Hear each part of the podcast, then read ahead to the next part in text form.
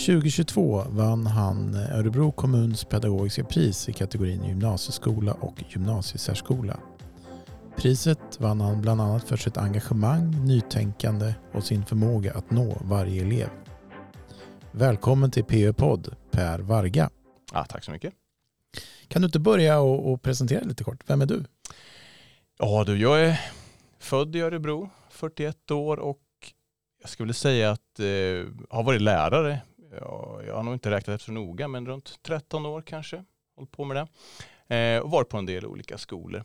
Eh, vad mer vill ni höra egentligen? Eh, eh, har tre barn. Bor på norr i Örebro. Hade aldrig trott det. Född på väster men hamnade långt ut i, i Bettorp. Men eh, ja, just nu på Torén Business School här i Örebro. Grattis till Pedagogiskt pris. Ja, ja, tack. Det är därför vi har bjudit in dig idag. För att prata lite eh, med dig om det. Hur kändes det och vad har du för tankar kring, kring det? Att få den utmärkelsen? Ja du, det är många tankar ska jag säga. Förvåning var nog det, det inledande största intrycket. Eh, men att det övergick ganska så snabbt i stolthet får jag ju säga definitivt. Och att få bli uppmärksammad så, det är stort och fint. Men jag tyckte bara att bli nominerad var eh, stort. Att någon har tagit sig tid att sätta ord på hur, hur den eller de har upplevt eh, av att ha jobbat tillsammans med mig helt enkelt. Så det, det, är ju stort ska jag säga. Men att då dessutom i den här urvalsprocessen också nå ända fram. Det, det hade jag inte väntat mig. Så det, ja, det känns stort. Det gör det. Förstår det ur din nominering här nu då så står det bland annat att Per, du är en lärare som är unik på många sätt. Du brinner för ditt yrke och vill utveckla dina elever till så goda samhällsmedborgare som möjligt. Det jag blivit lite intresserad av. Hur, hur tänker du där? Ja, hur tänker eh, samhällsmedborgare, det är ett ganska brett begrepp. så. Eh, Ja men det är det. Eh, jag har ju fått gissa såklart och tolka de här nomineringarna och fundera lite inför det här, det här samtalet. Men jag tror att det jag försöker göra är att göra mina elever tänkande personer. Att vara tänkande i form av att vara kritiska. Eh, det kan vara kritiska mot information såklart. Det kan vara kritiska inte minst mot sina egna föreställningar om hur saker är och ska vara. Eh, och när jag pratar med elever och, och försökt få förståelse för hur, hur de kan uppfatta det här så, så pratar de om att de upplever att det ofta handlar om en moralisk aspekt som vävs in. Eh, att vi pratar mycket om eh, att de behöver gå till sig själva och sina egna värderingar i många av de frågor och områden som vi tar upp. Så att, att de eh, ja, men att någon slags etisk och moralisk eh, fråga som alltid måste finnas med och som de hela tiden behöver utmana och jag som, som jag gärna utmanar dem i. Så att vi problematiserar väldigt, väldigt mycket. Eh, så det är väl en sak. Eh, men såklart också kanske att värdera andras perspektiv, både i fråga om debatter men även att värdesätta andras perspektiv i och med att det gör att man själv som individ kan ta nya kliv framåt. Annars är vi ju lite fast i oss själva. Ehm, så det är väl lite sådana saker som ehm, eleverna pratar om. Att, och egentligen, att jag kom, om man ska summera, att, att vara kritisk fast med ett slags konstruktivt mål i, i längden. Eh, vad, vad, skulle du säga om du ska peka på någon sak som du verkligen vill skicka med? Är det just det här med att vara kritisk? Eller? Och just vad, vad vill du skicka med eleverna? Eh, för att klara av eh, livet helt enkelt? Ja, nej men det tror jag. Alltså, om, om det handlar om att vara en, en god medborgare så, så handlar det ju för det första om att man måste ha en uppfattning om någonting såklart. Oavsett om det handlar om ett, ett, ett styrelseskick eller om det handlar om eh, vad lagar säger eller, eller om det handlar om demokrati så, så går det så är det viktigt att man förstår var man själv står, hur man själv förstår det hela, men att man vågar ifrågasätta det här. Eh, och jag, jag, går ju ganska långt i det. Jag, jag, vi problematiserar demokrati och tar upp dess begränsningar också för att de ska förstå hur viktig den är, hur bräcklig den är och inte minst hur de själva förstår demokrati. För även om vi kan definiera den utifrån eh, ja, men bland annat de mänskliga rättigheterna så, så måste vi ju alla liksom utgå ifrån oss själva och hur vi förstår det här. Det, det går ju inte att ge en mall på hur man ska agera utan det, det är ju mycket, mycket mer komplext än så. Det börjar hos var och en. Du har en viktig uppgift som lärare helt enkelt. Ja, ja. Det och det kommer väl med ämnet. Det ska ju tillägga till min introduktion. Mina ämnen är ju historia och samhällskunskap i grund och botten, även om jag undervisar i några fler ämnen nu efter några år. Så att eh, de två ämnena såklart finns ju med i allt jag gör, oavsett vad jag undervisar egentligen. Ja, om man, oavsett vad man har för ämnen och, och, och undervisar om Mm. så eh, någon, en sak som eh, också lyfts fram i nomineringen är det här att nå eleverna. Mm. Eh, Så här står det i nomineringen. Per, du är oerhört skicklig på att nå eleverna i klassrummet. Du lyckas locka till dig åhörare genom att förklara enkelt så att alla förstår. När du sen fördjupar dina resonemang så lyckas du nå eleverna på ett fantastiskt sätt. Berätta, hur, vad är nyckeln till framgången? Ja, säg det. det. Det här är också en av de här stora utmanande frågorna som jag har fått inför det här samtalet. Och eh, om jag ska försöka summera, men även om jag går till hur eleverna förklarar för mig hur de upplever det här, så, så ehm, trycker de på att jag för det första varierar min undervisning och att jag är oförutsägbar på ett positivt sätt. Det är inte så att man kanske känner att man inte vet vad som gäller utan snarare att man vet inte vad som väntar runt hörnet. Man, det är positivt att variera och gärna överraska lite grann. Kanske att man bryter mot slentrian som lätt uppstår i, i skolans värld. Att, eh, att våga utmana, att våga provocera. Jag gillar ju att, att vi kommer igång i, i ganska livade diskussioner oavsett ämne egentligen. Ehm, så just det här att provocera och utmana föreställningar till exempel som vi pratade om lite tidigare. Ehm, men sen så handlar det såklart mycket om relationsbygget. Det, det, utan det så faller ju egentligen allt det jag gör platt kan jag tänka mig. Ehm, och det handlar mycket om att bjuda in eleverna till just den här samtalet, diskussionen. Ehm, och att se till att de är trygga i det. Det är någonting som de återkommer till. Att de känner att det finns ingen risk att man framstår som dum. Vilket elever ibland kan uppfatta sig själva som. Att, att, och det tycker jag är oerhört viktigt att man som elev får, ifråga, eller får ta plats, får säga precis vad som dyker upp. Och man behöver inte känna att man är rädd för att ta någon slags konsekvens för det här ifall det kommer ut fel eller tokigt. Utan att det är viktigt att, att ta hand om de här diskussionerna på ett sätt så alla är trygga. Och Mm. om du till exempel, har du något exempel i, eh, jag tänker man diskuterar något ämne som kanske kan upplevas som, som utlämnande eller känsligt på något sätt, Mm. eh, lite hett sådär. Eh, Mm. Ja, Hur nej kan men, man ja, eh, grunda för den här tryggheten som, men jag tror det är någonting som, det här har jag försökt eh, förstå också var det kommer ifrån och det, det elever kommer tillbaka till det är att jag, och det här tänker jag väl kanske inte alltid så mycket på, men just det här att man uppmuntrar frågeställandet. Att, att jag kanske nästan, det skulle kunna uppstå inflation i det här, men, eh, men att jag uppmuntrar vilken bra fråga du ställer. Och jag kanske ibland kan bjuda på, oj det där har jag inte tänkt på, även om jag sannolikt har fått den frågan hundra gånger innan. Men man kan bjuda på, på någon slags snabb feedback på det som sägs som visar att vad bra att du satte ord på det här. Eh, sen givetvis så kan det, kan det ju såklart vara en del kontroversiella frågeställningar som då kommer fram för att man känner sig trygg i det. Men, men då, då tänker jag att man är snabb och får hantera den situationen som uppstår. Det finns nog inget ett recept utan bara att man är snabb på att fånga upp vad sägs och hur kan det här uppfattas så att man eventuellt kan neutralisera vissa, ja, men vissa aspekter av det som sägs. Så att man är med och styr ganska såklart tydligt samtalen. jag förstår, att bekräfta otryggheten Mm. kan också vara, skapa trygghet i det. Ja. Så man gör, som lärare har jag inte heller alla svar. Nej. Eh, ja, men om jag, har tänkt på några saker till i det här och det är ju liksom mycket av det här att känna sig trygg och relationsbygget handlar ju såklart också mycket om att, ehm, att se vilka utmaningar som finns i en grupp och se vilka svårigheter och vad som kan vara ja, men avskräckande i den process som alla elever befinner sig i. Så att, eh, jag, menar, och jag tror att jag ser mig själv, jag tror jag tar väldigt stor plats i klassrummet. Jag ligger nog, om man, ska, om man pratar pedagogik så, så ligger jag nog ganska nära där. Jag tar ett väldigt stort ansvar och tar ett stort utrymme i klassrummet för att säkerställa och Eh, som jag tänker att jag, jag, jag sänker trösklar tror jag. Både till själva lärande men även inom lärandet. Och där har jag ett stort ansvar.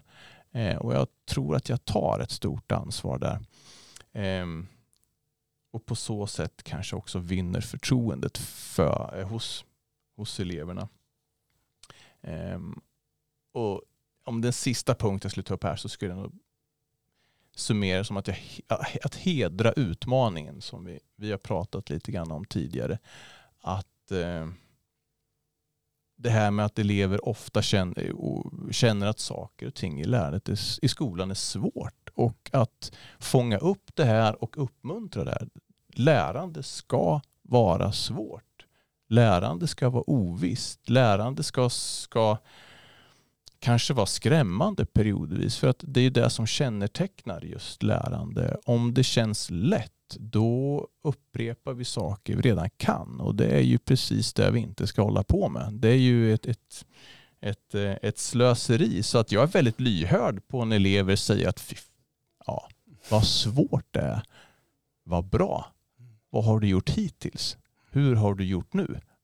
Vad har du inte provat? Eh, så att, att hela tiden lägga saker på en ganska så hög nivå. Ha höga förväntningar, för det är också något som lyfts. Jag har ofta högre förväntningar på eleverna än vad de själva tror att de ska leva upp till. Och med tiden så lär de sig lita på mig så att de kör på och sen så når de upp till de förväntningarna ofta. Mm. Så hedra utmaningen, ha höga förväntningar och sen så får de hänga med på resan och så lär de sig, ofta, eller till slut så inser de att ja, det går vägen. Mm. Bra fras, hedra utmaningen. Jag tror jag har snott den någonstans ifrån men, men eh, den har stannat kvar. Ja. Mm. Du har också, när vi har pratat med dig innan så har du sagt att eleverna ska våga vara i det jobbiga. Mm. Eh, precis som du, du pratade om nyss. Mm. Vad, vad tycker eleverna om det? Eller hur upplever de det? Ja, det är ju, jag skulle säga att det här är en resa de genomgår. Ofta när jag har eleverna för första gången, alltså när de går i ettan, jag har ju samskap 1B bland annat eh, med många klasser, så, eh, så blir de väl lite förvånade när jag, när jag säger vad bra. För jag, jag tror att många elever har den ingången, inställningen att det ska flyta på, nu är jag duktig, nu visar jag upp att jag kan det här. Eh, men, men när det är en vuxen tok som säger att eh, utmärkt att du fastnade här. Eh, det, det, är klart att inledningsvis jag kan få, vad, vad, vad menar du? Förvåning skulle jag säga. Men jag brukar ha en, en, en hel del sätt att på något sätt försöka förklara det för dem. Eh, och det, då kommer väl egentligen kanske in på lite senare frågor också i den här nomineringen som, som har just med, eh, med det här att göra. Men förvåning skulle jag säga. Mm. Mm. Bara de kommer därifrån så. Ja, exakt. eh, det står ju också i, nominer eller i motiveringen här att eh, du är nytänkande. Uppmanar elever till kreativitet och nyanserar problem och samhällsfrågor. Hur, ehm, just nytänkande delen där, hur, hur tänker du där? Ja, det är nog väldigt många olika saker. Eh, jag tror till, i viss mån att det handlar kanske om att de, när, när det är nytänkande så tror jag att det rör sig om, ja, vad ska man säga, det kritiska, jag kommer tillbaka till det. Jag tror att vi kanske går ganska mycket längre i att få stanna i det här nyanserandet och problematiserandet än vad de kanske är vana vid. Eh, jag tror också att jag bjuder in dem mer än vad de är vana vid i utformandet av undervisningen. Eh, och då, det handlar nog egentligen allt det här ganska så mycket om hur jag förstår motivation. Det ligger nog väldigt mycket i det. Eh, och då har jag lite olika saker som jag genom åren faller tillbaks till. Och egentligen så går det nog tillbaks till mina pedagogikstudier för ett bra tag sedan. Och eh, då jobbade jag, jag skrev en, en uppsats om självbestämmande teorin. Eh, och den, den gav mig en, en typ av förståelse och motivation som jag har enorm nytta av, skulle jag säga. Eh, och det är en, en teori som är väldigt beforskad. Den har funnits med i 40-50 år skulle jag tänka mig. Ehm, och eh, vad den egentligen beskriver, den är en, en, en typ av förståelse och motivation som många pedagoger känner till. Den, den beskriver just att det finns en hierarki av, av kvalitet av motivation och att, att motivation i sig inte handlar om att saker är roliga utan motivation är drivkrafter av olika kvalitet.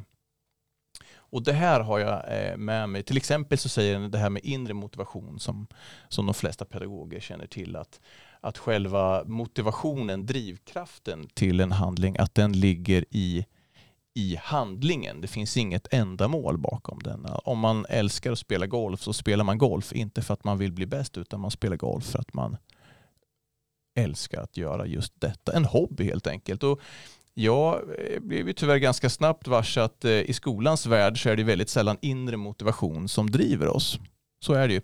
Eh, och den här modellen då hjälper mig att inse att den här hierarkin, att det finns många steg av, av allt lägre typer av motivation, ända ner till just amotivation, brist på motivation. Ehm, och ehm, den här teorin säger just det här att ehm, allt förutom just den här inre motivationen handlar ju om yttre styrning. Det kan vara så, om man tänker Zlatan till exempel, han blev förmodligen så bra han blev för att han älskar fotboll. Eh, men att han la en, två timmar efter ordinarie träning på att lägga frisparkar, det gjorde inte han för att han älskade att lägga frisparkar, men det bidrog till hans dröm att bli bäst i världen. Och då är det ändå en yttre yttre typ av styrning. Och sen kan man gå neråt i den här stegen. Så då kan man prata om, jag menar till exempel, det är väldigt få människor som brinner av att diska eller dammsuga. Det finns säkert de.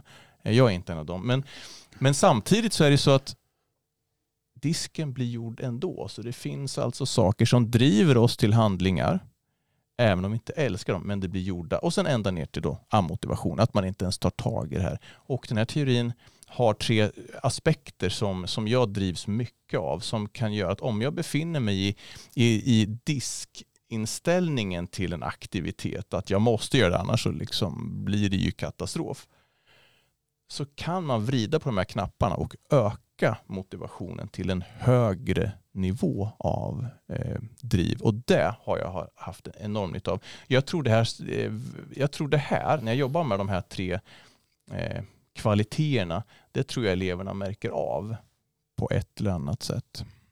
Skulle du kunna ge något konkret exempel i klassrummet mm. på, på hur du gör med detta? Ja, bra.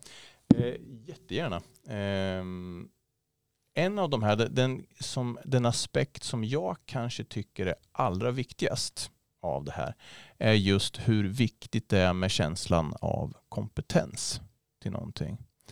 Eh, och då brukar jag, jag brukar ofta prata med eleverna mycket om det här. Till exempel så brukar jag ta ett exempel. Eh, jag byggde en gång, alltså jag, jag är inte händig det ska jag säga, långt ifrån händig. Nu bor jag i hus så man har inget val, man behöver bli händig mer eller mindre. Så att jag har fått eh, eh göra att till exempel bygga trall, då med hjälp av en granne som är oerhört duktig på det här. Och då så la ju han upp reglerna, han la upp själva liksom grunden och jag kunde dra i de här bröderna. Därefter så tog vi ner en, en vägg tillsammans och eh, gjorde liksom insatser där. Eh, det jag har med mig nu är ju en förståelse för hur regelverk fungerar, hur, hur det kan se ut och jag kan nu tänka mig att ta mig an projekt som jag aldrig tidigare hade kunnat göra. Just för att jag har liksom en grundtrygghet, även saker som jag inte har gjort än. Och tar jag det här till klassrummet så, eh, så tänker jag mig att eh, jag startar alltid lektionen med att summera föregående lektion. Ganska självklara saker för många pedagoger. Eh, och jag tycker att det är superviktigt. Dessutom så brukar jag fånga upp vad som var svårt föregående lektion. Ställa ledande frågor till eleverna. Vad, vad, hur, så att de tillsammans får beskriva vad det var vi gjorde. Så att egentligen vi startar med en slags eh, eh, medvind i det hela. Så känslan av kompetens är ju otroligt viktig. Och det, ja, det är svårt att summera på, på, alla sätt jag gör det, men eh, om jag ska prata min i klassrummet så är det nog det jag jobbar allra mest på. Eh, och sen när vi har summerat en lektion, hur ska vi då fortsätta idag utifrån det som vi gjorde förra lektionen så att det blir en, en, en röd tråd. De som inte hängde med föregående lektion fick en repetition, det kanske poletten kanske trillar ner, men alla är på samma ställe och nu åker vi vidare. Det uttrycker elever också är jätte, jätte skönt i, i vardagen. Det känns som att du, du bjuder in eleverna mycket. Alltså elevdemokrati, att du, när, när du pratar nu så det mm. märks mm. som att du du vill att de ska vara med på tåget ja. och få mycket att säga till om. Och så. Ja. Är det, det Definitivt. Mm. Det är en, en, en, jätteviktig sak.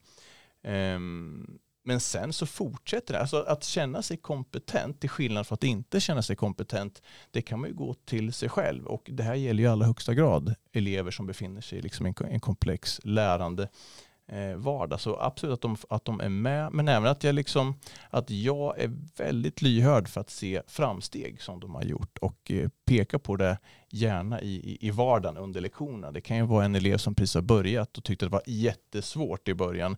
Att då kunna fånga upp att titta du, du visste inte hur man, du visste inte vad källhänvisning var och nu hänvisar du med APA 7-systemet eh, och det gör det alldeles utmärkt. Vad kommer vara nästa steg då? Att bara få de här små liksom, förstärkningarna, det, de skiner ju upp som ljus och man kan nog inte göra för mycket av, av de där insatserna i, i vardagen.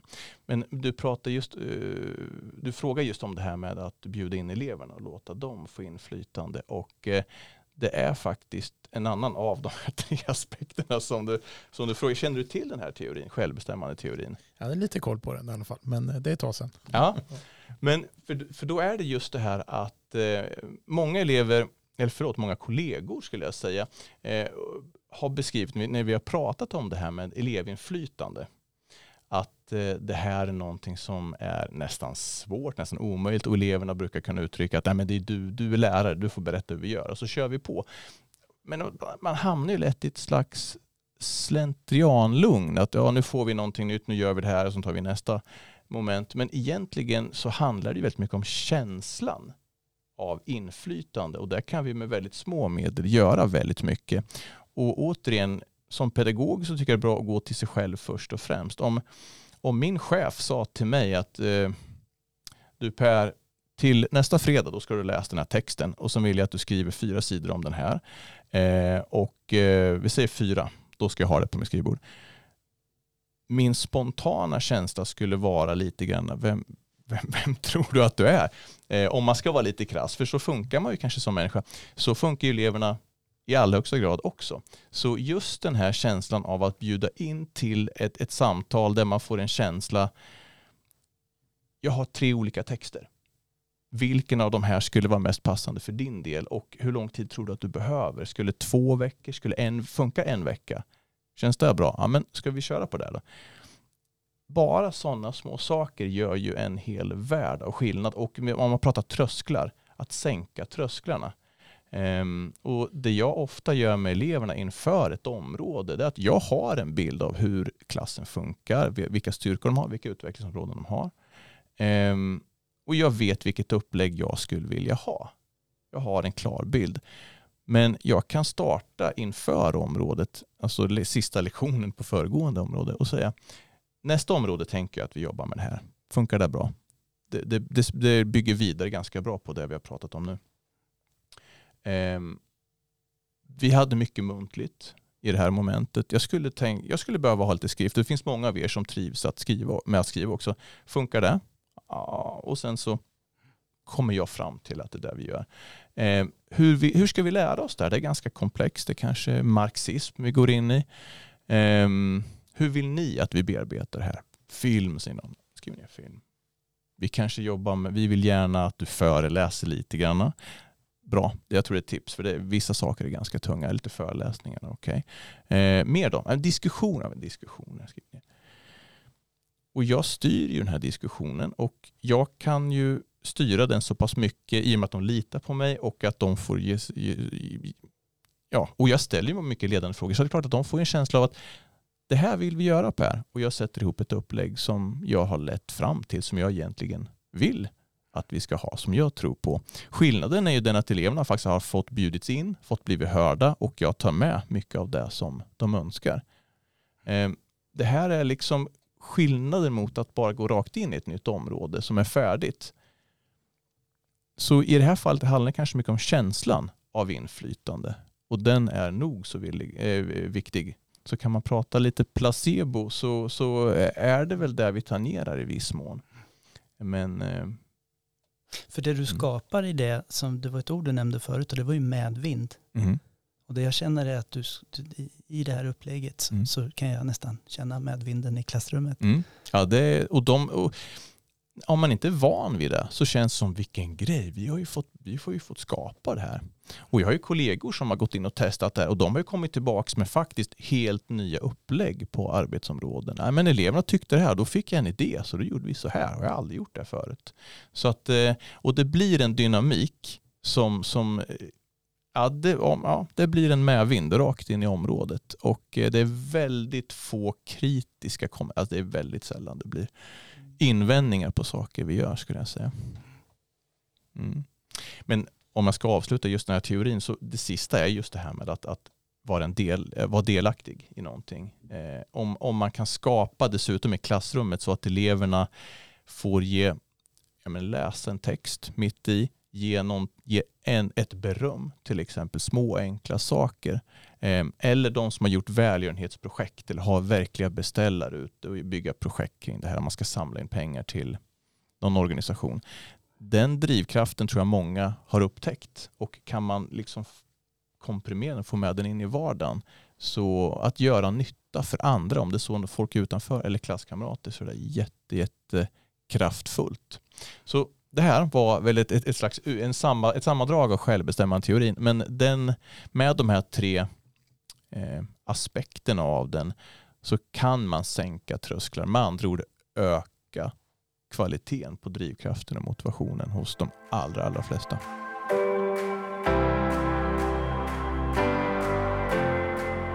Avslutningsvis Per här, om du eh om du blev skolminister i en regering, vad skulle du vilja ändra på då? Det finns ju väldigt mycket som jag egentligen är väldigt nöjd med så som det ser ut i dagsläget. Ehm, men om det är någonting som jag kanske skulle vilja se mer stöd för överhuvudtaget i styrdokumenten så är det väl just det här med att lyfta in det här med mod. Att lyfta in och tydliggöra och understryka den här idén om eh, det konstruktiva lärandet som ligger bortom just det här med att man ska kunna nyansera. Det, det är ju det vi alla jobbar med. Men, men just det här att, att, att det tydliggörs att vi måste göra fel. Vi måste få eh, måste få våga utmana oss för att kunna eh, komma framåt. Det här är någonting som jag egentligen inte tycker liksom syns fullt så tydligt som jag tycker att det borde kunna göra. Eh, jag tror att vi alla har nytta av att kunna jobba ännu mer hårt med detta och det komplexa som, som lärandet faktiskt handlar om. Tack så mycket. Stort tack för att du kom hit och pratade med oss idag.